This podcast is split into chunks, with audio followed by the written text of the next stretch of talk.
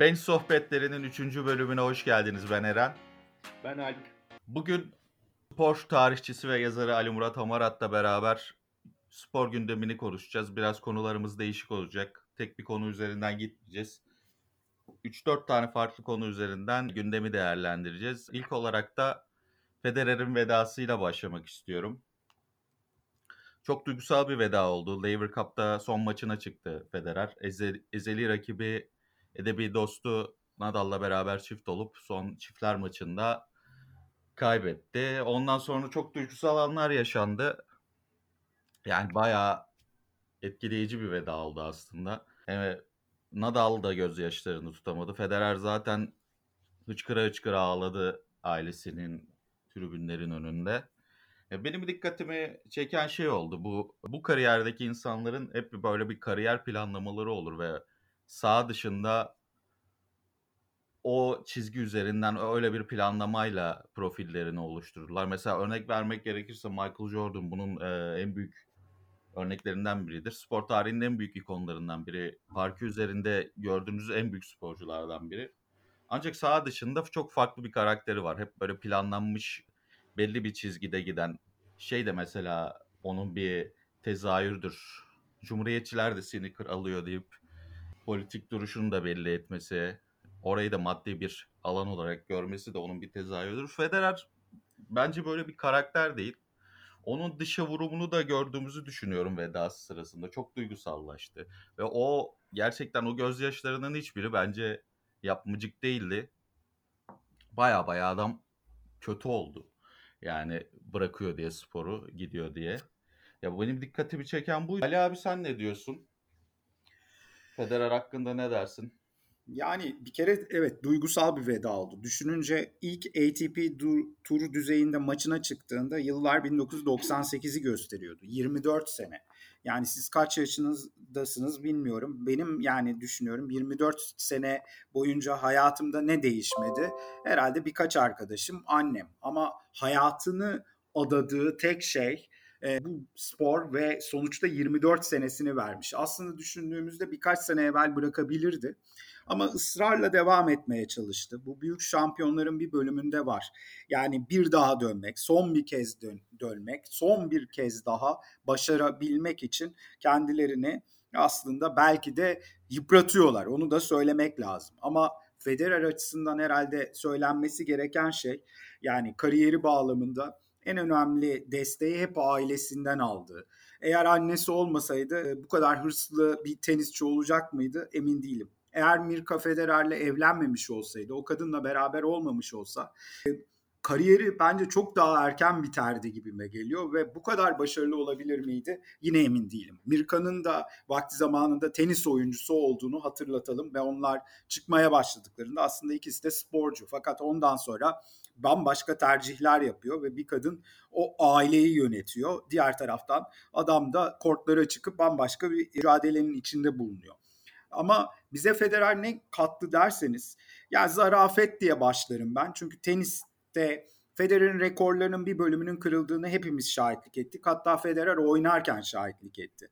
Ama Federer'in zarafeti, Federer'in asaleti, işte kraliçeden bahsedeceğiz sonra, kraliyet ailesi diyeceğiz. Gerçekten e, doğuştan soylu karakteri. İşte bir daha bunu bulabileceğiz mi emin değilim. Federer'in tekniğini bu kadar bazı açılardan şiirsel o görüntüyü. Çünkü hakikaten Federer bir tablo gibi. O vücudun duruşu, o topa yönelişi.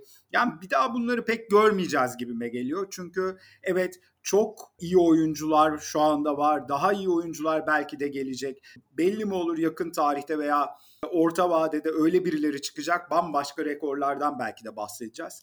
Ama o duruş, o asalet, o zarafet onu pek görebilir miyiz bilmiyorum. Yani siz de böyle düşünüyor musunuz bilmiyorum ama Alcaraz olsun, Kesinlikle. Djokovic olsun, Nadal olsun bunlar tabii ki de çok çok iyi oyuncular. Ama Federer yani yer yer vuramayacağı hiçbir topa koşmadı prime time'ında. Yani hepimiz biliyorduk o topa gidiyorsa bir sebebi var ve o toplara gerçekten inanılmaz vururdu. Federer böyleyken Nadal'ın, Djokovic'in artık Alcaraz da bu yeni kuşaktan bence tam o ekolden her topa gidebiliyorlar. Her topa vuruyorlar. Olur olmaz.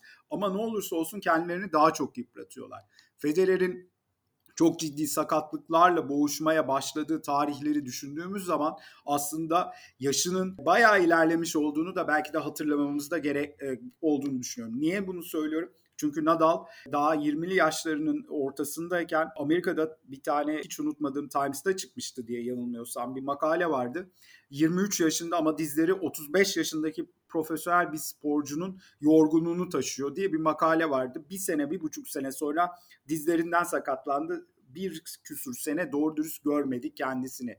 Çünkü artık bazı şeyler de ölçülebiliyor, bazı şeyler de görülebiliyor bu çağda. Ya bunu da özellikle söylemek istiyorum. İşte Federer'in zarafeti belki de aslında vücudunu harika korumasına da neden oluyordu. Bir yere kadar da o vücut, o makine harika gitti. Ama ne olursa olsun şunu unutmamak lazım. Başlayan her şey bitiyor. Yani hepimizin hayatında yapabildiklerimiz belli yaş almakla beraber bir noktadan sonra azalıyor. Evet yani bu adam neredeyse 37 yaşındayken Grand Slam şampiyonu oldu. Federer'den önceki kuşağa bakarsak 30 yaşında çoğunun artık ikinci sınıf, üçüncü sınıf kariyerlere doğru istemeden de açıldıklarını görürken 36-37 yaşına kadar çok üst düzeyde oynamış olmasının da aslında kendinden sonraki kuşağa da örnek olduğunu ve teniste raf ömrünü tırnak içinde uzattığını da söylemek istiyorum. Bir de şunu eklemek e, istiyorum abi ben. Sen de katılır mısın bilmiyorum. Nadal şey dedi. Uzun seneleri paylaştık. O ayrılınca ben de hayatımın önemli bir bölümünü evet. kaybetmiş oluyorum. Ya aslında aradaki rekabeti rakibin düşman olmadığını anlatan en güzel söz. Hayatımın evet. bir bölümünü kaybetmiş oluyorum diye. Zaten vedasında da ağladı. Hı hı. Yani Nadal Federer olmadan hep eksik kalacak. Federer de keza Nadal olmadan hep eksikti. Yani çok çok önemli bir cümle bence. Sen ne diyorsun abi? Ya çünkü biz şunu galiba Eren ülkede şunu unutuyoruz. Kazanmak için her şeyi mubah olarak görüyoruz. Yani rekabete çok inanmıyoruz. Takımımız kazansın da futboldan mı bahsediyorum? İsterse 3 tane hakem e, saçma sapan penaltı versin. Benim takımım kazansın, şampiyon olsun da ne olursa Maalesef. olsun diye hayata bakıyoruz. Yani rakibimiz nedir, ne değildir, onun duyguları ne bunların hepsini unuttuk. Ya ben çocuktum gerçekten benim en iyi arkadaşlarım benim tuttuğum takımları tutmuyordu. Hiçbir problem yoktu. Herkes zaten birbirlerine karşı daha farklı bir yaklaşım vardı. Türkiye çok ilerledi. Hani bunları veya çok değişti bazı anlamlarda eski Türkiye'ye özlem dolu, yaşlı e, e, Muppet Show tatlı ihtiyarı gibi konuştuğum için üzgünüm ama artık her şeye küfür kıyamet yaklaşıyoruz. Sosyal medya ile beraber daha da kampların ayrıştığını görüyoruz ve o herkesi düşmanlaştırıyoruz. Halbuki rakip aslında baktığınız zaman hayatın anlamıdır. Çünkü rakibiniz ne kadar güçlü olursa siz de o kadar iyi olmak zorunda olduğunuzu bilirsiniz. Basit örnek verelim, hatırlayalım veya Messi ile Ronaldo'yu bir düşünün arkadaşlar. Messi 17-18 yaşında harika çocuktu. Topu alıyordu, bastı bacak, hop 5 kişiyi geçiyordu icabında. Sol ayağıyla topa inanılmaz bir vuruş yapıyordu, gol oluyordu. Yani sağ ayağıyla topa vuramıyordu. Hatırlar mısınız o ilk evet, yılları? Evet, evet. Sağ ayağıyla kaleye topu yetiştiremiyordu bu çocuk. Vallahi yani bunu böyle söylemek lazım. Güçsüzdü no, en başında. Güçsüzdü. Yani. Sağ bacak hiç yoktu. Cristiano Ronaldo yani zaten İngiltere'ye varan Cristiano Ronaldo ile bir sene sonraki Cristiano Ronaldo'nun yan yana siz fotoğraflarını koyduğunuz zaman bir adamın nasıl kalınlaştığını görüyorsunuz. Cristiano Ronaldo kilo aldı ama o kilo saf kas olarak aldı. Öyle bir sporcuya, öyle bir gladyatöre dönüştü ki birkaç sene içinde bunu da gördük. O başta kanatta takılan çocuk Santrfor gibi oynamaya başladı. Santrfor'u geçtim. Bir baktık 30 metreden sol ayağıyla, normalde olmayan sol ayağıyla vuruyor. E o topa öyle vururken Messi arkadaşımız da sağ ayağıyla maşallah 25 metreden plaseler, sert vuruşlar yapmaya başladı. Niye? Çünkü hep kıyaslıyorduk. Messi mi daha iyi, Ronaldo mu daha iyi? Tavuk mu yumurtadan çıkar, yumurta mı tavuktan? Zaten rekabet hep aslında normalde hele sporda o bizim ikonik gördüğümüz figürleri daha da yukarı çekmesi bağlamında da önemli. İşte Federer başlattı bütün hikayeyi. İlk 2003'te çünkü o hatırlayın şeyi kazandı. Bir Grand Slam turnuvasını kazandı. Ondan sonra Nadal, ondan sonra Djokovic. Ha bizim şansımız şu oldu. Tarihin en dominant 3 erkek tenisçisini aynı aralıkta seyrettik. Birisi 81 doğumlu, birisi 86 doğumlu, birisi 87 doğumlu. Yani çok şanslıyız insanlık olarak. Tenisin reytingi arttı. Niye? Bunların birbirleriyle olan rekabetleri gerçekten seyredilmeye başlandı. E çünkü niye? Rakip aslında hayatın anlamıydı. Rakip açısından da baktığınız zaman işte Federer'in gözyaşlarındaki samimiyeti söyledin. Evet çok samimi görüntüler. E Nadal'la el ele tutuşup ağlıyorlardı. Nadal da çünkü şunu görüyor aslında baktığında. O da kariyerinin sonuna gelmiş vaziyette. Evet. Birkaç senesi var. Onu görüyor, etkileniyor.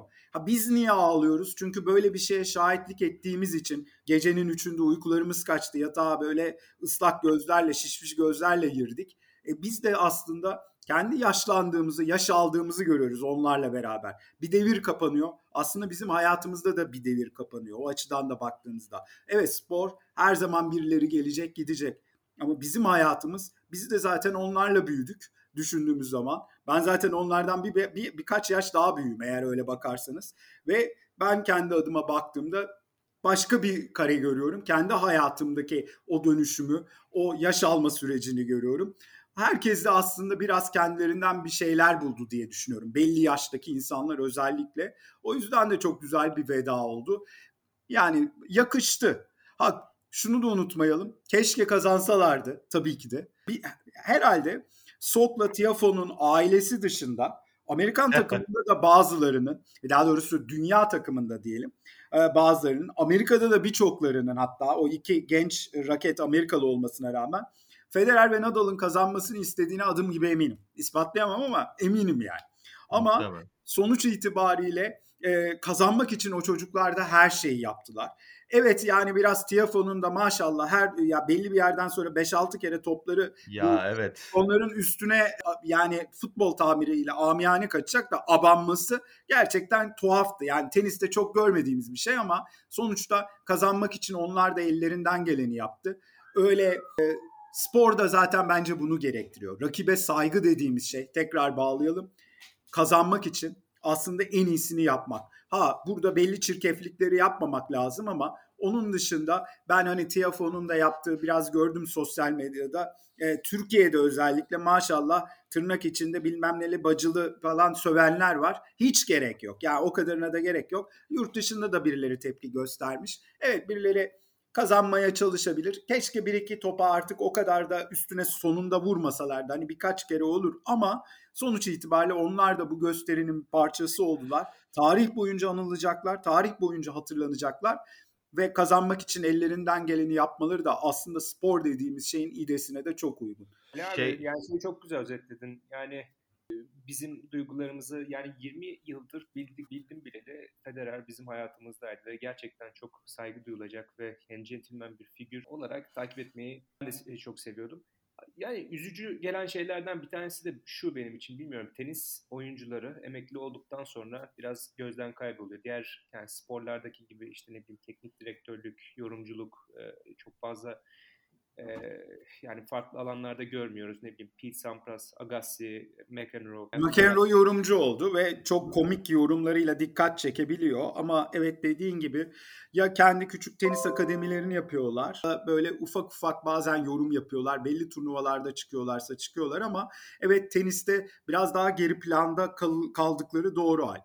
Daha çok eğitimci oluyorlar anladın. Evet. Yani e, yani üzücü şeylerden bir tanesi o aslında yani bu bundan sonra pek fazla görmeyecek ol, olmamız yani potansiyel. Öyle bir yani bir emeklilik planın e, planına dair bir fikrimiz var mı Federer? Yani arada turnuvalar veteran turnuvalarına çıkacağını düşünüyorum. Zaten Nadal'ın akademisine çocukları yazdıracakmış. Onu esprilerde çok yapıldı.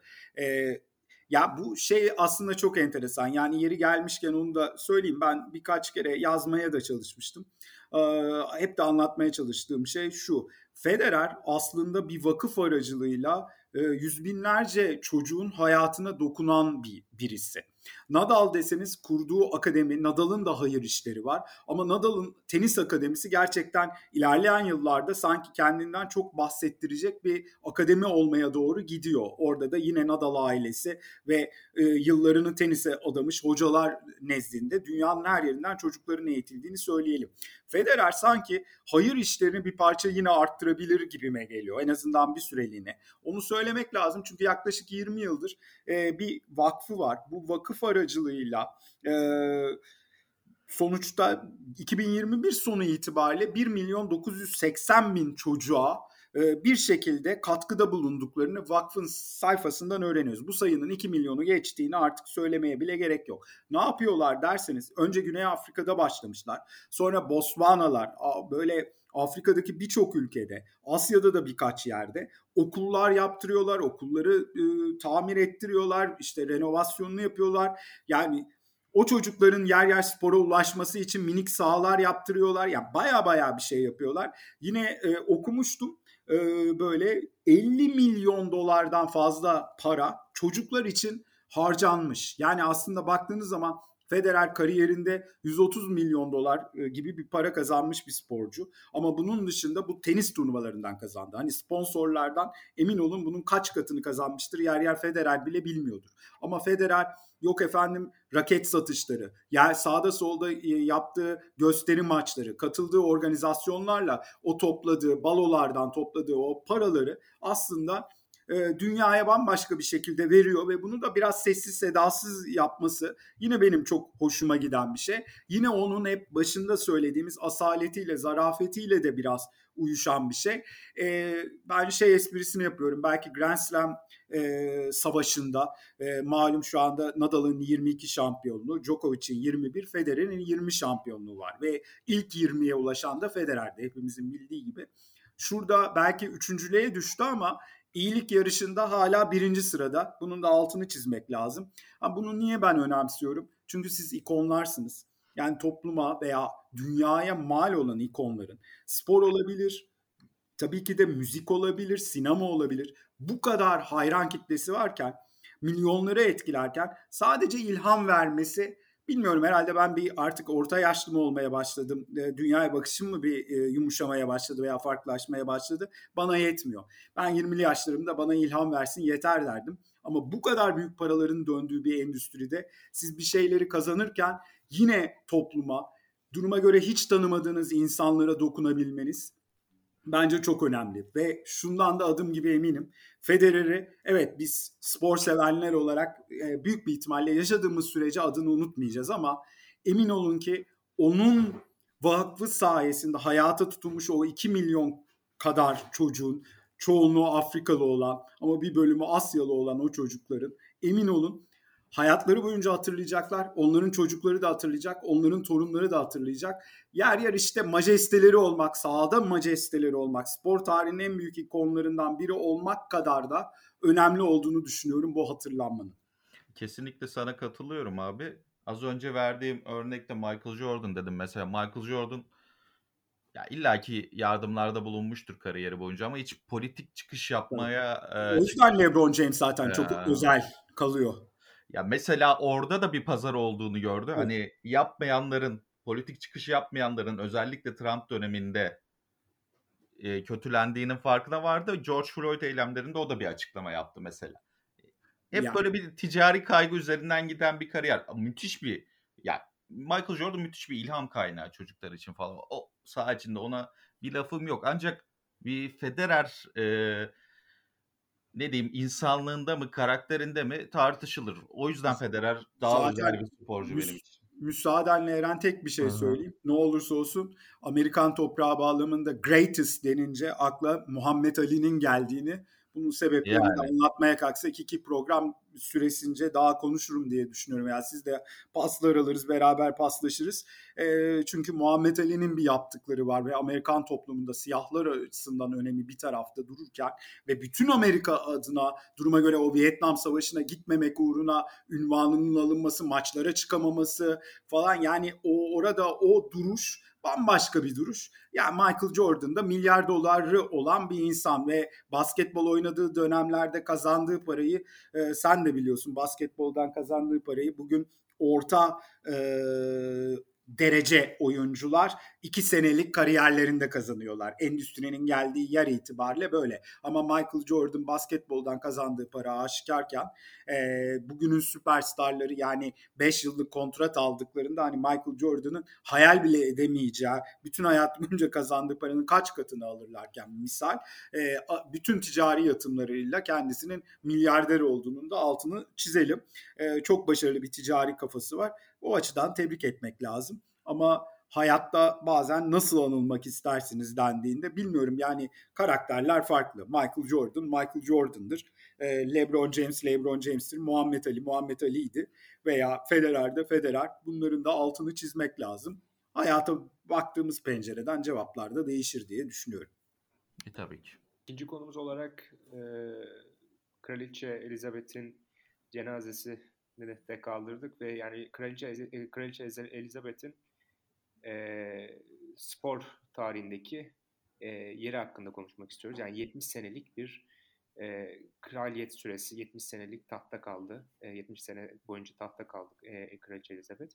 Yani e, siz galiba bir e, hashtag tarih dergisi için e, bu konu hakkında bir çalışma yapıyorsunuz. Hı hı. E, Kraliçe Elizabeth'in e, spor tarihindeki önemi konusunda ne söyleyebilirsiniz? Ya aslında Alp yani senin söylediğin şey 70 yıl o kadar uzun ki e, baktığın zaman hele öyle bir 70 yıl ki insanlığın başka yüzyıllarıyla kıyasladığımızda 70 yıl değil 200 yıl gibi geçmiş bir 70 yıldan bahsediyoruz. Dönüşüm e, birçok konuda e, insanlık öyle adımlar attı ki vakti zamanında e, düşündüğümüzde 1950'lerde tahta geçtiği günleri düşünün. Kadın erkek eşitliğini düşünün, ırk meselesini düşünün, dünyanın e, bütün dengelerini düşünün. Bambaşka bir dünyanın olduğunu hatırlamak lazım. E, ve evet spor tarihinde birçok karede e, yerini alıyor. Bazen kahraman olarak bazen anti kahraman olarak hani onun da belki altını çizmek lazım ama sonuç itibariyle baktığımızda ilk gittiği mesela futbol maçında daha resmen taç giymemiş durumda. 1953 yılındaki Federasyon Kupası finaline gidiyor. Bu ben başka üniversitedeki derslerde de bunu anlatmaya çalışıyorum. 1953 yılının Federasyon Kupası finali şu açıdan önemli.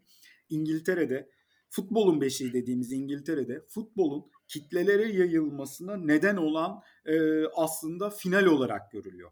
Nedeni aslında futbolda saklı değil. Çok ilginç ama e, 1953 yılının Haziran ayında taç giyme töreni olacağı için kraliçenin İngiltere'de televizyon satışları patlamış. Parası yetmeyenler kiralıyor. Herkes televizyon elde bulunsun ki Haziran'daki töreni naklen seyredebilelim istiyorlar. Crown dizisini seyredenler de bilir. Hep BBC işte BBC versin, onu bütün dünya görsün. İşte bu tartışmalar da vardır. Hep karşımıza çıkar ve bütün insanlar aslında İngiltere'de birçok insan buna şahit olmak istiyor. O yüzden televizyon patlaması yaşanmış. Haliyle finalde en fazla rating alan futbol olayı oluyor o güne kadar ve futbolun biraz kitlelere yayılmasında, gazetelerde yazılan Sir Stanley Matthews'un sihrinin görülmesinde bayağı bir rol oynuyor. Ha ne oluyor derseniz e, maçı işte Stanley Matthews'un harika oyunuyla e, kazanan takım ve ondan sonra baktığınızda kupa töreni Sir Stanley Matthews'un elini sıkan e, genç bir kadın kraliçe ve e, o Sir Stanley Matthews spor tarihinde ilk sir ilan edilen, sonra spor tarihinde ilk şövalye ilan edilen e, isim oluyor.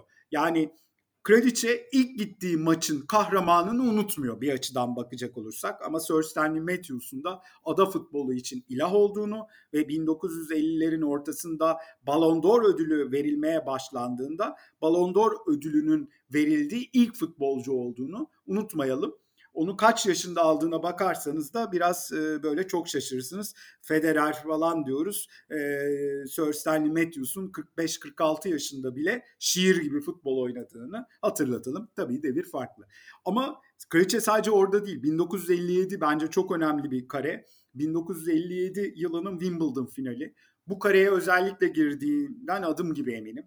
Çünkü o finalde Althea Gibson adında Amerikalı bir tenisçi şampiyon oluyor. Althea Gibson kim derseniz tenis tarihindeki ilk siyah ve tenis oynayabilmesi için, beyazlarla tenis oynayabilmesi için Amerika'da kampanyaların düzenlendiği, lobicilik faaliyetlerinin yapıldığı bir insandan bahsediyoruz. Çok iyi ama bir sorunu var ten rengi. E, siyahlar kendi aralarında oynayabilir ama siyahlar beyazlarla oynayamaz. 1950'lerin Amerikası ve e, birileri sayesinde önce Amerika açığa alınıyor. Gerçekten çabalıyorlar. Sonra Wimbledon'a gidiyor bu kadın ve yıllar sonra da Wimbledon'da şampiyon oluyor. E şampiyon olduğu gün E, o gün kupayı kim takdim edecek? Tabii ki de kraliçe olay yerinde favori kazanınca olay yerinde bu e, Altea'ya kupayı veriyor. Altea kimin kahramanı? Serena Williams'ın kahramanı. Venus Williams'ın kahramanı. Altea kim?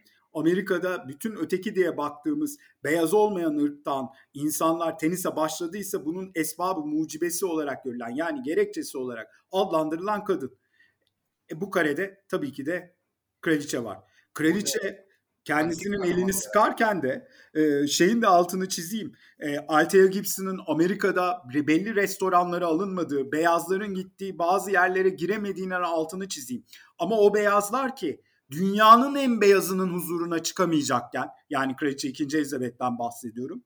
E, Althea şampiyon olarak o huzurda kabul ediliyor. Kupa takdim ediliyor.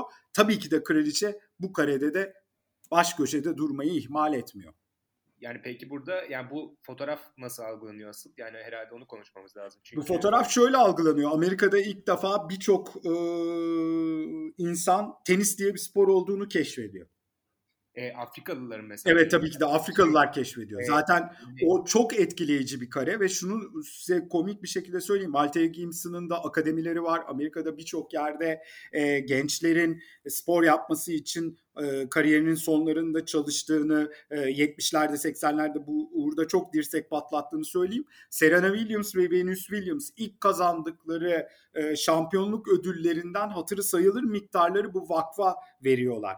Serena Williams bir röportajında Altea'nın röportajı çıktı, şey belgeseli çıktı. E, o kadar heyecanlıyım ki yarın alacağım ve bunu seyredeceğim. Buradaki e, zafer kadar benim için önemli diye bir açıklama yapıyor. O Serena Williams ki lise öğrencisiyken Althea Gibson'a e, şey yazıp bir mektup yazıp mektupla sorular sorup e, onu tanımak istediğini anlatıyor. Bu kadar aslında önemli bir kadından bahsediyoruz. Jackie Robinson'ın hatırlatalım beyzbolda 42 filmi de vardır. E, bazıları da mutlaka seyretmiştir.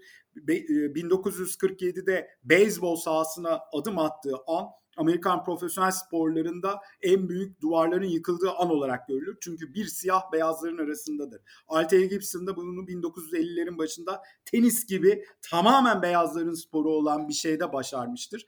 Ve Althea Gibson 1957'de de şampiyon olduğunda en beyaz tabii ki de huzurunda o ödülü vermiştir. Çünkü kraliçe böyle şansları asla kaçırmaz. Ee, ve devam etmek gerekirse tabii ki de İngiliz ulusu için çok önemli olan 1966 Dünya Kupası'nı e, Bobby Moore'a veren kişi de Kraliçe 2. Elizabeth'tir. Ve İngiltere zaten kendi sahasında bir kere dünya şampiyonu olabilir. Zaten İngilizlerle hep dalga geçerler. Oyunları bulurlar ama asla kazanamazlar diye.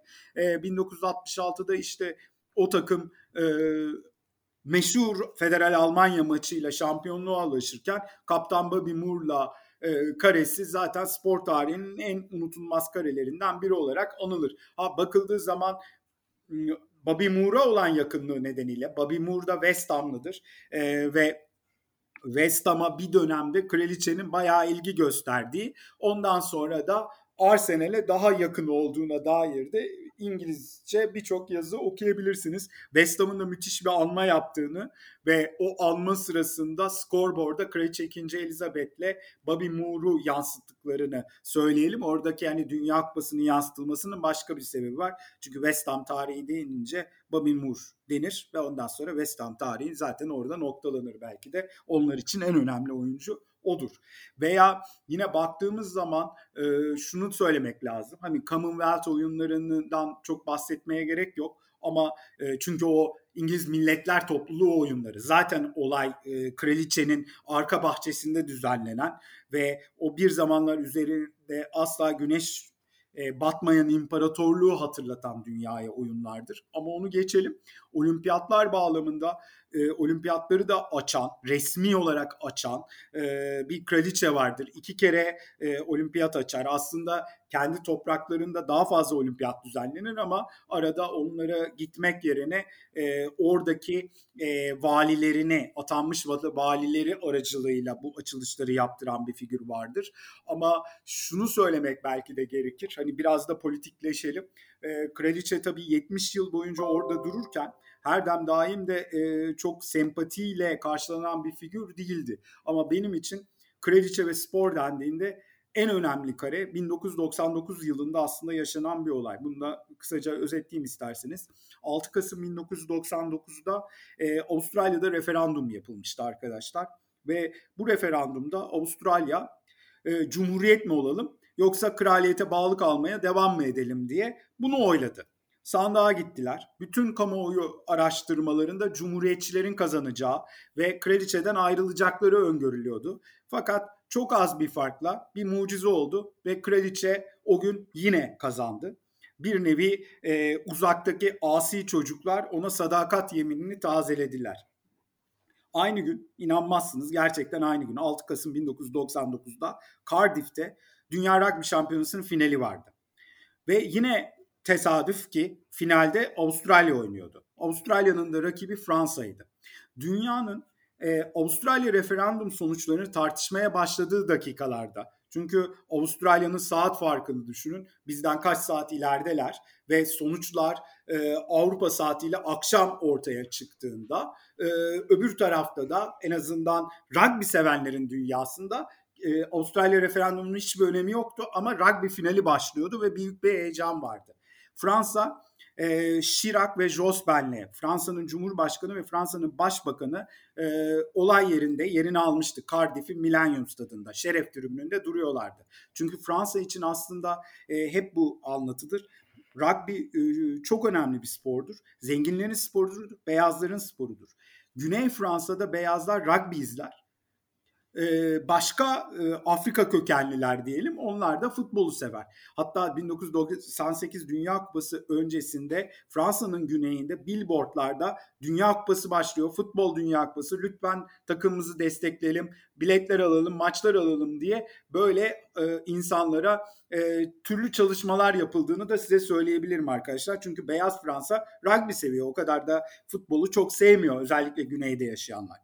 Ve Jospin ve Chirac uzun lafın kısası olay yerinde yerini almışlardı. Derken kimsenin beklemediği bir şey oldu. Şeref tribününe bir hanımefendi geldi. Kısa boylu bir hanımefendi ve bir anda tam ortaya oturdu. E, beyler lütfen diye mekanın sahibi geldi. Zaten Galler'de oynanıyordu. Mekanın sahibi biliyorsunuz e, İngiltere e, tacı. E, şakayla karışık kraliçe nedense maçı seyretme kararı almıştı son dakika itibariyle. Çünkü yine söylediğim gibi yeminini tazelemiş gençler e, sahaya çıkıyorlardı. Avustralya beklendiği bir şekilde Fransa'yı çok rahat bir şekilde yendi. Ondan sonra yine spor tarihinin en ikonik karelerinden biri çekildi. Bu karede kraliçe vardı. Kraliçenin gülümseyerek de kupa verdiği dev gibi bir adam vardı. O dev gibi adam John Eales'tı. John Eales Avustralya rugby takımının kaptanı arkadaşlar. Kendisi Avustralya açısından şu açıdan önemliydi. En azından o gün itibariyle.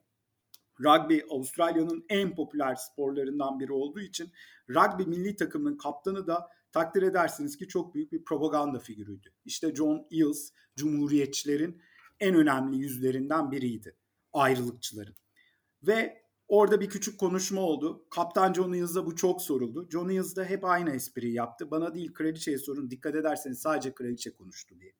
Çünkü kraliçe büyük bir ihtimalle John ne oldu ya sizinkiler kazanamadı demeye ve e, mekanın sahibi olarak sevgili asi çocuklarına tırnak içinde kupayı teslim etmeye gelmişti. Yine o karede olmuştu. Kraliçe hiçbir zaman bu fırsatları kaçırmadı. Sadece açılışlara giden veya at at tutkusu var o bir tarafa ama at yarışlarında şapka ile görülen o güzel tuvaletlerle döpüeslerle olan kadın değildi. Böyle kareleri spor tarihinde spor üzerinden mesaj vermeyi asla ihmal etmeyen bir figürdü. Ha bugüne gelindiğinde de ne oldu? Herkes taziye yarışlarına e, girdi ve İskoçya'da da bazı takımlar bunu yaptı. Tabii Rangers e, büyük gözyaşı dökerken Celtic e, kendisinden bekleneni yaptı diyelim. Zaten doğru dürüst bir şekilde bir taziyeye yer vermediler. Sitelerinde küçücük bir şey çıktı. E, emin olun ki e, kulübün bahçıvanı 30 yıllık emektar bahçıvanı ölse daha uzun bir yazı Ve ondan sonra da e, alma e, töreni sırasında veya saygı duruşu yapılacağı sırada maçta e, kraliyet ailesine karşı karşıysan e, böyle el çırp diye tezahürat yaptılar ve bayağı bir insan da el çırptı. Çünkü Orada, aslında baktığınız zaman Pardon Celtic abi böldüm ama orada şey e, şey galiba ilk olarak bütün e, Britanya'da bir dakikalık saygı duruşu yapılıyor. Celtic'e özel e, protesto edileceği bilindiği için alkışla anma yapılacak. Celtic taraftarı da buna cevap olarak ilk önce pankart açtı. Sonra da alkışlandığı sırada besteleyip o besteyi dediğin besteyi söyledi. Eğer kraliyet ailesinden nefret ediyorsan alkışla diye bir dakika boyunca protestosunu çok güzel bir şekilde engellemelere rağmen sergiledi. Aslında protestoya bir barikat çekilmişti.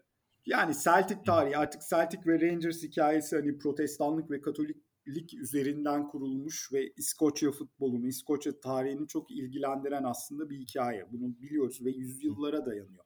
Yani bir tarafta biliyoruz İskoçlar hep kaybeden ata oynamış veya Katolikler o topraklar bağlamında.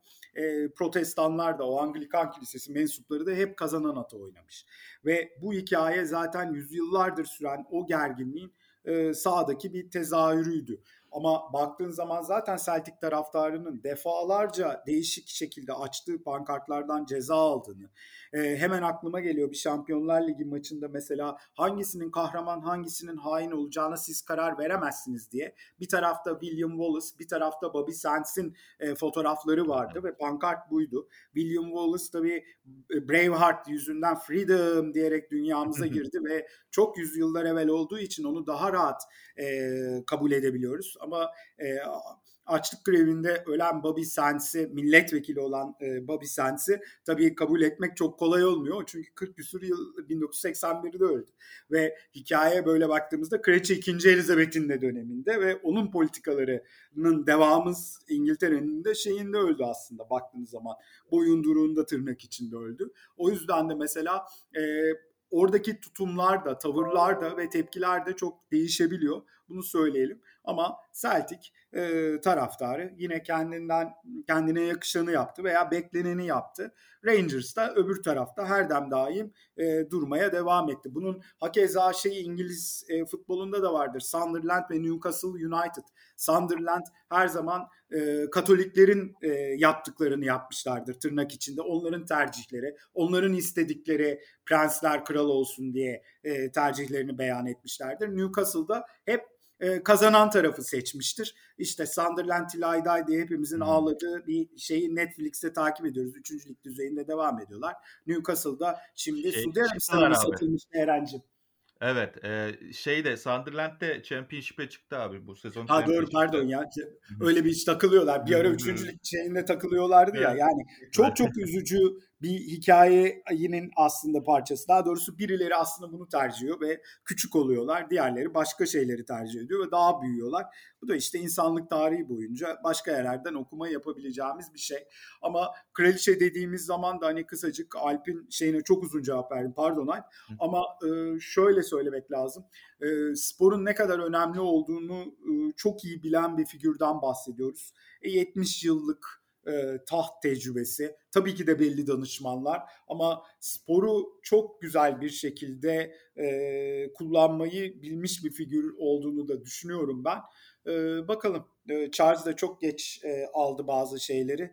E, bu yaşında ne kadar spor sahalarında göreceğiz bilemiyorum ama gençlerden umutluyum diye espri yapayım. Çünkü Prens William'ın şey olduğunu biliyorsunuz değil mi arkadaşlar? Futbol Federasyonu ona bağlı mesela. Ha evet biliyorum. Çünkü geleneksel olarak e, şeylerden birine bağlanıyor. İngiltere'de spor aslında hep kraliyet ailesine bağlanıyor. Evet. Üst çıtada e, onların isimlerini görürseniz şaşırmayın. Tabii onlar da haliyle spor organizasyonlarında çok boy gösteriyorlar. Geleneksel olarak atçılık onların dünyasında çok önemli ama 1910'lardan beri Federasyon Kupası finallerinde bir kraliyet ailesi üyesinin olduğunu ilk bir kral 1911'deydi yanılmıyorsam şey kupa veriyor ve ondan beri de aslında mutlaka önemli bir figürü oraya koyuyorlar. Ya kraliçe veriyor ya prens veriyor ya kral yani olması gerektiğini düşünüyorlar. Zaten o yüzden de Federasyon Kupası finali İngiltere açısından bakarsak onu da son söyleyelim. o kadar önemli ki çünkü kraliyetin huzuruna çıktığınız, resmi olarak çıktığınız tek e, futbol organizasyonu o. Şampiyonlar Ligi finali değil. İngiltere Ligi şampiyonu olursanız değil. O federasyon kupası çok geleneksel. O yüzden de bambaşka bir anlamı var. Sadece 1872'den beri düzenleniyor olması değil arkadaşlar. Zamanındaki bizim Cumhurbaşkanlığı kupası gibi aslında yani bir e, politik e, güç gösterisi halini de oluyor yani bu FA kupası anladım. Yani biraz öyle ama e, yani sonuçta William'ı falan protesto ettiler. Yani sonuçta protesto da edebiliyor bazen taraftarlar oraya giden monarkı. Ama şöyle de düşünebilirsiniz. E, hani bizim bizim o Cumhurbaşkanlığı kupası, Başbakanlık kupası başka bir dönemin hikayesiydi. Şimdi onların adlarını bilmem neleri değiştirdiler. Ama e, evet eski dönem bağlamında sonuçta işte Kral Kupası diye İspanya'da bildiğimiz şey aslında General Kupası vakti zamanında Franco iktidar iktidardayken o iktidardaki figür için oynanan e, müsabakalar ve o maçların tabii başka bir anlamı olduğunu da söylemek lazım. Ama Federasyon Kupası çok büyük bir geleneği ifade ediyor. 150 yıldır düzenleniyor. O yüzden de İngiltere açısından çok özel ve kraliyet de orada kendi e, konumunu her zaman korumayı tercih ediyor. Bunun altını çizmek lazım. O zaman kapatalım kraliyeti, kraliyet ailemizi. Yeterince konuştuk. Üçüncü konumuza geçelim. Stefan Kutz ve milli takım. Ha evet. Onunla da bitirelim Biraz... diyorsunuz. Yo e, buna geçelim bir de ufak bir voleybol atarız abi. Ha, peki tamam nasıl istiyorsanız hızlı hızlı konuşalım. hızlı hızlı geçelim. Ya ben Stefan Kuntz'un ciddi bir mobbinge maruz kaldığını düşünüyorum.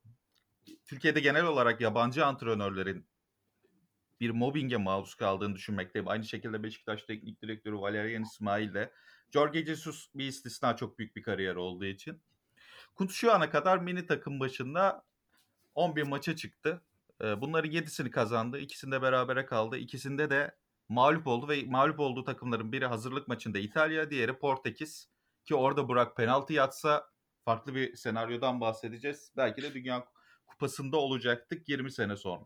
Ki kağıt üstünde çok başarılı. Bazı te- tercihleri tartışılsa da Kuntz şu ana kadar bence iyi bir sınav veriyor. Ancak e, milli takım arası döneminde bu kadar başarılı olmasına rağmen bir anda medyada şu haberler çıkmaya başladı. Kuntz'un yerine başka isimler düşünülüyor. Sergen Yalçın'ın ismi gündeme geldi. Son olarak Şenol Güneş yeni Kuntz'tan önceki teknik direktör Şenol Güneş ismi öne çıktı. Yani ben şunu anlam vermekte zorlanıyorum. Bir anda ya aslında istatistik olarak çok iyi giden bir antrenör bir gökten zembille düşmüş gibi o antrenörün git, gidecek olacağına dair kesin yapılan haberler medya düzeyinde.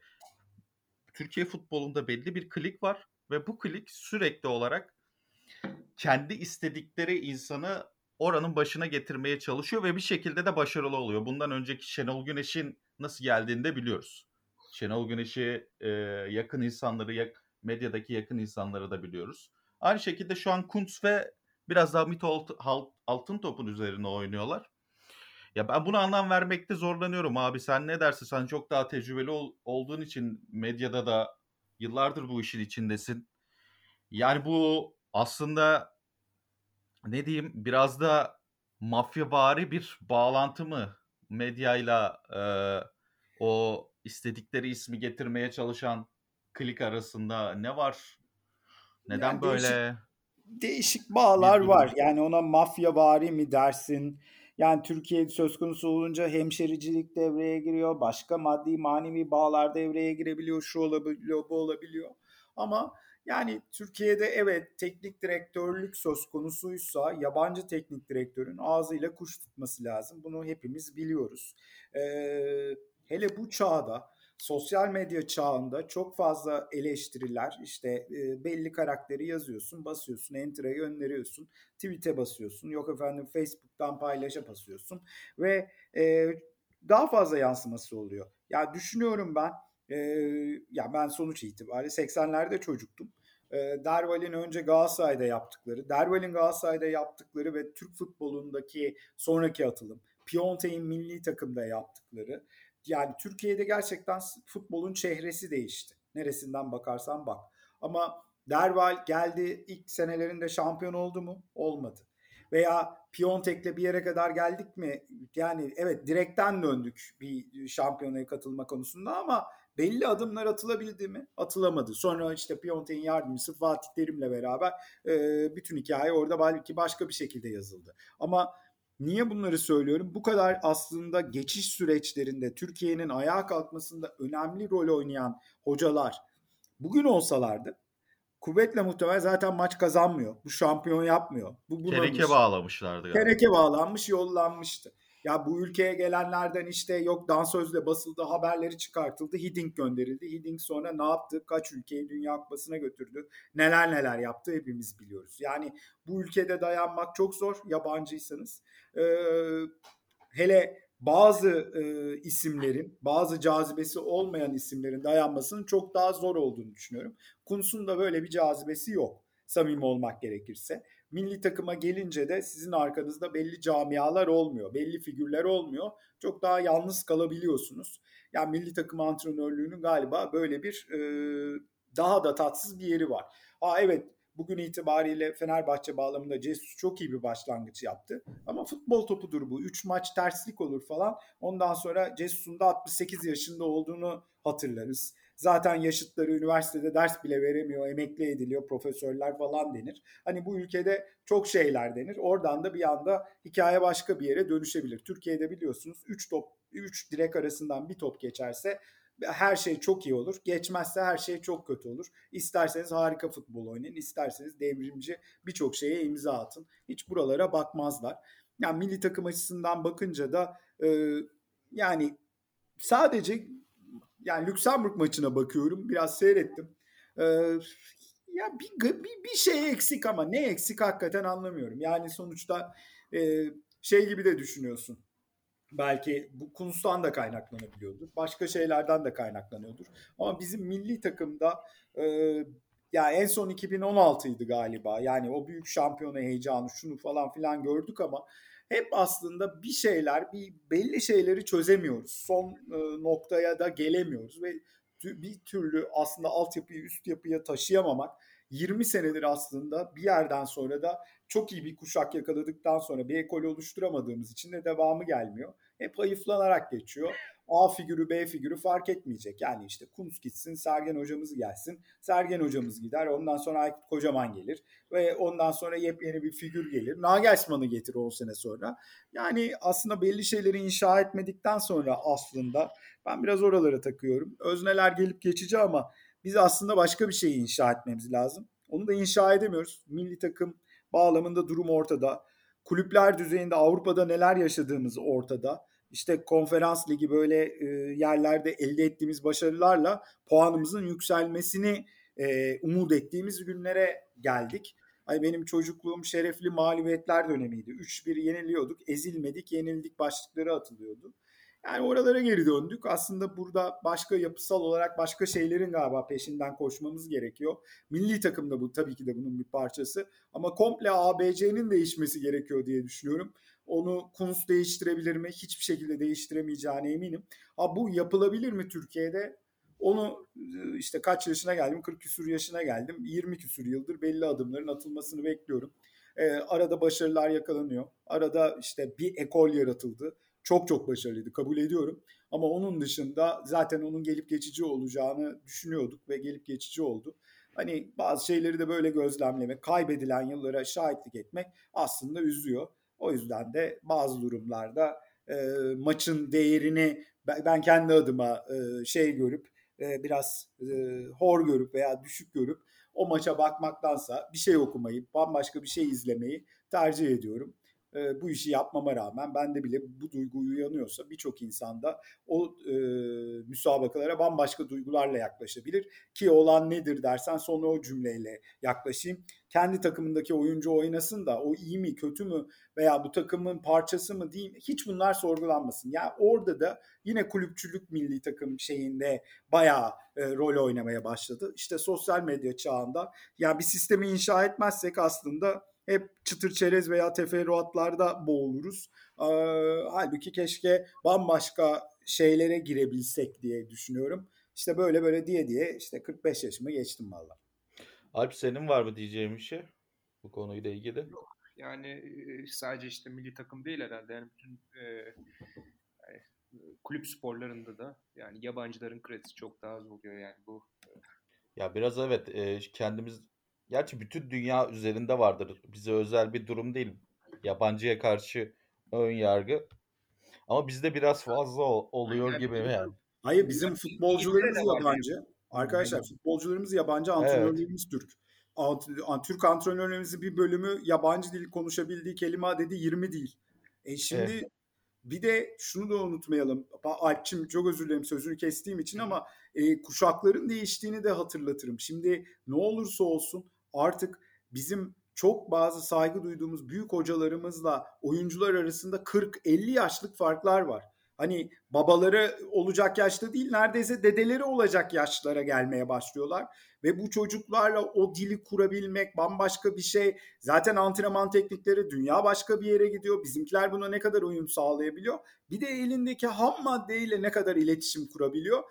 Ben buralarda şeyim çünkü o eskinin e, kırarım döverim aslan kaplan hikayeleri benim dünyamda hala geçerli de e, ben iş yapıyorum kendimden 20 yaş küçük gençlerle falan aynı model konuşuyorum. Aslında hani çocuğu eleştirmediğim halde bile şu geliyor be annem babam bana abi böyle konuşmadı diye.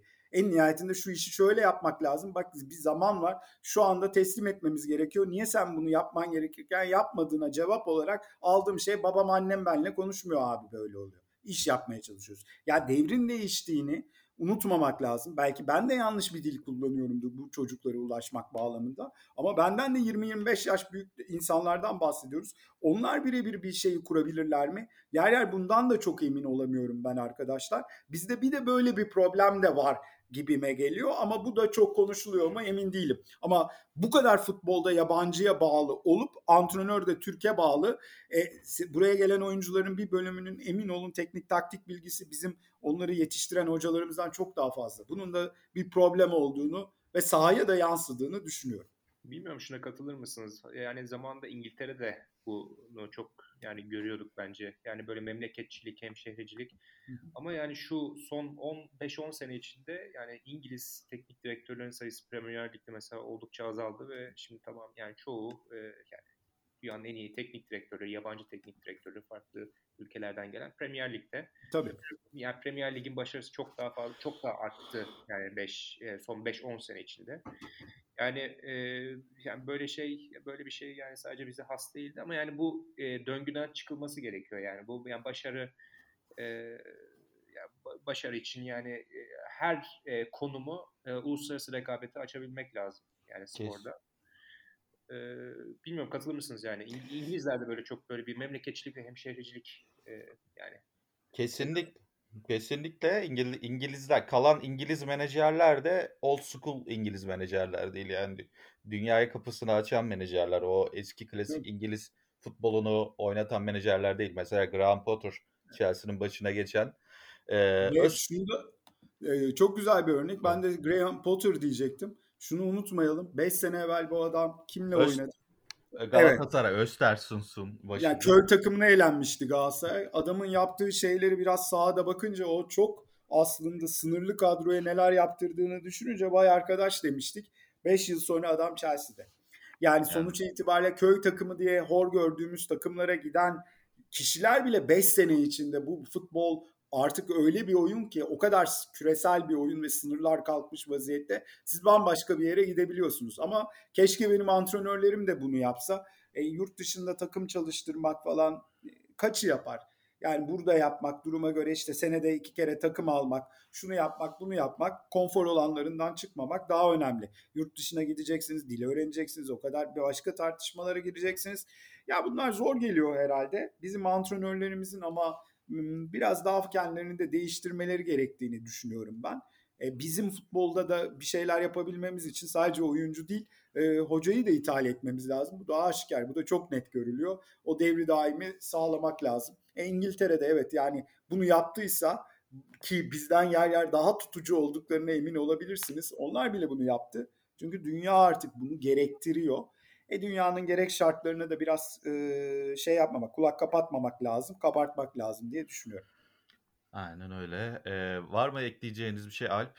Yok. Ali abi. O zaman biraz voleybol konuşalım diyorum. e, Dünya Voleybol Şampiyonası başladı. B grubundaki ilk maçımızda Tayland'a çok çekişmeli geçen bir maç sonunda 3-2 mağlup olduk. Aslında Tayland bizim seviyemize yakın ama henüz bizim seviyemizde olan bir takım değil. İyi bir takım, Asya'nın önemli takımlarından. Çok mücadeleci bir takım. Biz onların mücadelesine e, maç içinde pek fazla ayak uyduramadık. Kalitemizde fark yarattığımız anlar oldu ama Tayland çok inatçı ve sert bir takım. Özellikle çok iyi savunma yapan bir takım. Defalarca e, bizim smaçlarımızı, bloklarımızı karşıladıklarını gördük. Boy ortalaması olarak bizim kızlardan e, çok daha aşağıda olan bir takım ama ona rağmen inanılmaz bir mücadele sergilediler ve maçı da e, tiebreak setinde alarak 15-13 son seti alarak kazandılar. Ya bu bizim için e, pek olumlu bir sinyal değil aslında. İlk maç olması önemli çünkü turnuvanın geride kalan kısmı için önemli uyarılar aldı takım. Ya siz ne diyorsunuz bilmiyorum. İlk olarak olumlu bir sınav vermediğimizi düşünüyorum ben. Ali abi, Alp. Guidet diye çok yükleniyorlar galiba. Ya Guidetti'ye yükleniyorlar. Zaten ona yüklenmek de normal. Tabii ki de eleştirilecek tarafları olduğu aşikar ama Guidetti'ye yüklenenlerin bir bölümünün yine kulüpçülük üzerinden yok işte Vakıfbank'ın çok oyuncuları oynuyor. Şunları oynamıyor falan. Yani yazdıkları şeylere bakın. Ama evet yani yenmemiz gereken, kağıt üstünde yenmemiz gereken bir maçtı. Hemen özellikle voleybol yıllardır işte bir şekilde takip ederim ve olimpiyat düzeyini de çok takip ederim. Ee, sonuçta Tayland hep benim belli düzeyde görebildiğim belli şampiyonalarda karşıma çıkabilen bir takım. Japonya da öyledir. Japonya da her zaman bir yere kadar oynar. Boyları kısadır Japonların da. Tayland da öyle ama çok teknik e, olduklarını, çok hızlı olduklarını görüyoruz. Ve sonuç itibariyle Tayland pasörünün yer yer yaptıklarıyla Dün Cansu kötü bir maç geçirdi. Onu da söylemek lazım. Cansu'nun yaptıklarına bakın. İki pasör arasındaki fark zaten her şeyi ortaya koyuyor diye düşünüyorum. Çünkü iki takım arasında ortalama 11 santim fark varken sizin pasörünüz e, lay lay lom yapamaz. Harika işler yapmak zorunda olur o topları vurdurmak için. Tayland yani aslında tam bir ağır siklet boksör gibiydi. Çok daha iyi bir takım gibiydi bize göre. E, yumruklar aldı ama giderek bizi çözdü ve sonra yavaş yavaş da darbeleri indirmeye başladı gibi geliyor. Yani bizim takım bağlamında birkaç oyuncumuzun çok çok iyi olduğunu düşünmekle beraber ya bazı yerlerde sorunlar var. İşte bunları çözmek Guidetti'nin işi tabii ama altyapıdan da üst yapıya belli oyuncuların da evrilmesi lazım. Bunlar da olacak olmayacak. Yani çok iyi bir ekol yakaladığımız ve kadınlar voleybolunda gerçekten yıllardır yaptığımız şey aşikar. Ama bazen de daha üstüne gidemezsiniz. Çünkü materyal bellidir. Benim acaba e, dediğim nokta yavaş yavaş kendime sorduğum nokta ya biz hiçbir zaman öyle bir şu aşamada en azından şampiyon bir takım olamayacağız gibime geliyor milli takım düzeyinde. İşte 4, 8 o aralar sanki bizim maksimumumuz gibi gözüküyor. Çünkü bir iki parçanın daha eklenmesi lazım gibi geliyor. Yani bunu e, belki başka bir örnek olacak ama e, Eren basketbolu çok takip ettiği için söyleyeceğim. Hı. Yani bu Avrupa Basketbol Şampiyonası'ndaki takım da belli sınırları olan bir takımdı. Ben Kesinlikle. gençliğimin Kerem Tunçerisini aynen al bugün takıma koy Türkiye bu şampiyonu da yarı final yapardı. Yani çok bir rahat, Kerem Tunçeri ile bile yani ama yıllardır senin işte baktığın zaman e, bir gardın yok yani Türk basketbolu bağlamında sürükleyecek. Genel olarak Guard yok abi. Yüzde yani dünyada da yok. Herkes Amerikalı. Yüzde doksanı Amerikalı. devşiriyor. Ama yani senin ülkende de işte Berk'le Doğuş'un bir şeyler yaptığını görüyoruz. Onlar da kadroda yok. Yani bu işi yapabilen birkaç oyuncu da kadroda yok. Şey açısından da bakınca, voleybol açısından da bakınca yani e, ben e, yani kişisel olarak şey yapmak istemiyorum. Cansu çok sevimli de geliyor. Ama ben hani Cansu özelinde gördüm. Bazen hakikaten çok iyi günler geçiriyor. Bazen de çok kötü günler geçiriyor. Ve onu gerçekten biz yedekleyebiliyor muyuz? Veya ondan daha iyi bir oyuncumuz var mı? Emin değilim. Nasıl basketbolda e, en azından ben gençken gardın kadar konuşursun diye bir laf vardı. E yani sonuçta da sen dünyanın en iyi orta oyuncularına sahip olsan da veya smaçörlerine sahip ol. Pasör çaprazın harika olsun hiç fark etmez. Senin eğer pasörün o topları atamazsa maçı kazanamaz. Bu kadar basit. Yani dünyanın en iyi oyuncularını alalım. Beni de pasör yapın. O takım e, sıradan takımları 3-0 kaybeder arkadaşlar. Bunu hiç unutmayın. Çünkü ben o topları bir yere kadar atabilirim. Hani biraz kaldırmayı başarırsam Egonu gibi bir arkadaş her topa vurur da ama onu da pek beceremeyebilirim.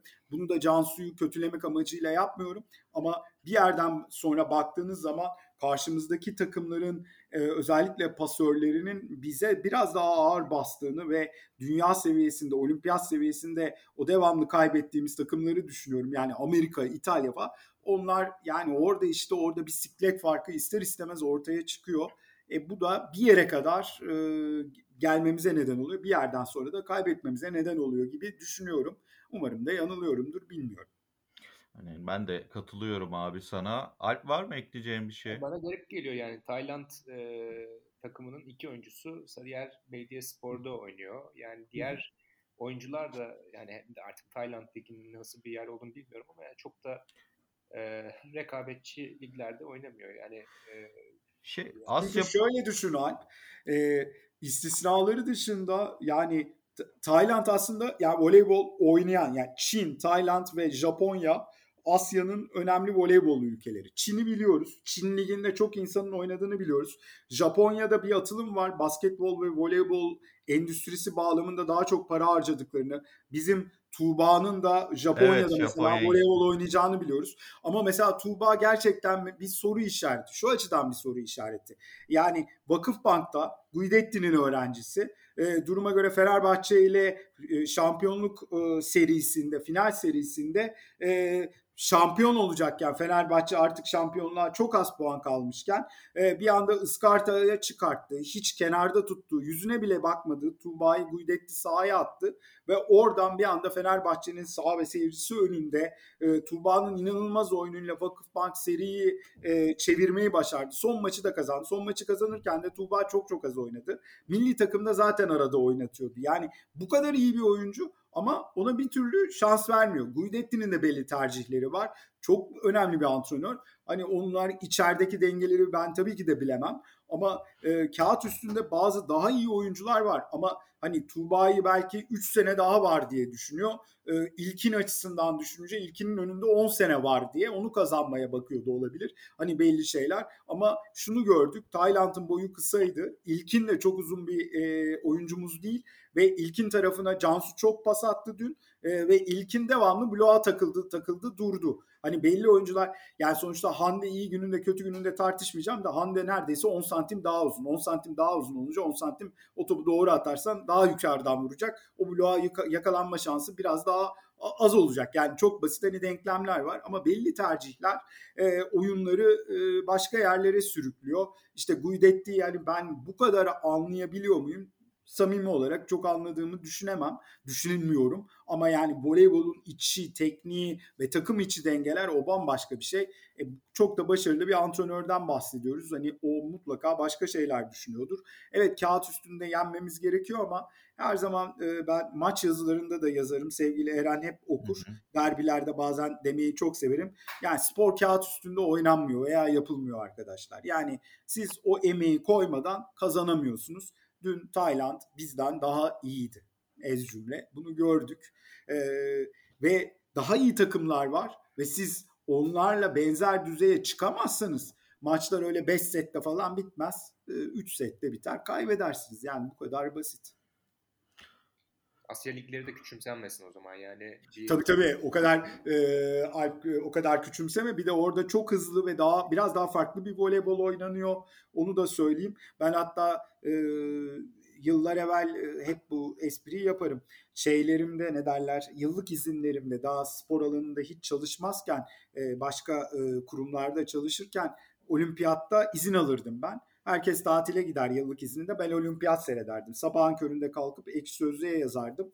Ve Japon e, milli takımının vakti zamandaki e, sporcuların hepsini e, bir olimpiyatta ekşi sözlüğe yazmıştım. Ve mesela 1.59 boyuyla, 1.61 boyuyla dikkat çeken ifadesiyle yazıyordum. Çünkü gerçekten bu kadar kısa boylu o dönem oyuncular vardı. Ama çok hızlılardı. Çok garip hareketler yapabiliyorlardı. Ee, bazen de şaka yapalım biraz abartarak top yere değiyor muydu değmiyor muydu hakemler bile görmüyor. Ama e, şaka bir tarafa yani teknik ve hız çok önemli bir şey. Ama tabii ki de voleybol gibi bir sporda boyun da önemi var. E, ama yine aynı şeyi söylüyorum. E, voleybolda sizin pasörünüz e, belli bir seviyenin altındaysa sizin gelebileceğiniz yer bir yere kadar oluyor. Cansu'nun çok iyi günleri var. Cansu'nun çok e, iyi olmadığı günler var. Sadece hani onu e, görüyorum ben. Ama bazı oyuncular var. İşte siz onları görüyorsunuz. Yani işte yıllarca e, biz e, bu ülkede Maya'yı gördük. Yani Sırbistan milli takımının süperstarından bahsediyorum. Hani kadın 36-37 yaşına kadar e, herkese her topu her şekilde vurduruyordu. Yani biz böyle bir pasör yakalarsak e, çok daha başarılı olabileceğimiz yıllar gelebilir. Ama yani bu da yani sonuçta da şey de yapamayız işte aynen demin de söyledik. Basketbolda yıllardır oyun kurucu arıyoruz. Bütün Avrupa basketbolu oyun kurucu bulamadığı için Avrupa Şampiyonası'nda neredeyse her takımın gardı Amerikalı devşirme sporculardı. Bilmiyorum e, pasörlerde bu nasıl olur ama bizim hani biraz sanki pasörden yana şanssız olduğumuzu düşünüyorum. En azından dünyanın en iyi takımlarıyla kıyaslandığımızda. Peki o zaman e, ekleyeceğiniz bir şey yoksa kapatalım. Var mı Alp? Yok. Ali abi. Konuştuk. Ee, yani bakalım voleybol yani umarım e, voleybolda yani bu bir turnuvadır. y- Yol kazasıdır. Daha iyiye gideriz. Ama yine aynı şeyi söylüyorum. Yani ben Cansu'nun yani çok iyi bir gününde de gerçekten e, inanılmaz işler yapabileceğini de biliyorum. Bir, kaç kere de seyrettim. Ama yani e, onun o hikayesini işte bir şekilde o olmadığında hemen yedekten gelip başka bir şeyi çözebilecek elimizde silah var mı? Onu bilmiyorum. Ama böyle dedikten sonra Cansu şimdi 3 tane maç şiir gibi oynarsa da e, sevgili dinleyenler hemen beni bulsun. Ama ben demiştim demeyi sevmem. Ama Cansu böyledir yani. iki maçta çok iyi oynayabilir. Ama sonra gerçekten bir maç yine şey yapabilir. E, sporda önemli olan bir şeyin de istikrar olduğunu hatırlatmak lazım. Özellikle takım sporlarında, Amerikan futbolunda quarterback, basketbolda oyun kurucu, voleybolda pasörlerin gerçekten bir takımın kaderini tamamıyla etkilediğini hatırlamakta fayda var diye düşünüyorum. O zaman şeyin hatırlatmasını yapalım. İkinci maç Salı günü saat 3'te Güney Kore ile yine Asya'nın önemli takımlarından biriyle. Umarım bu maçtan galip ayrılmayı başarırız. Olimpiyattan bir Aa, hatıramız var. Belki evet. çok- Onun rövanşını da umarım set vermeden alırız diyelim ve kapatalım programı. Evet. Hoşça kalın. Bir dahaki programda görüşmek üzere. Görüşürüz.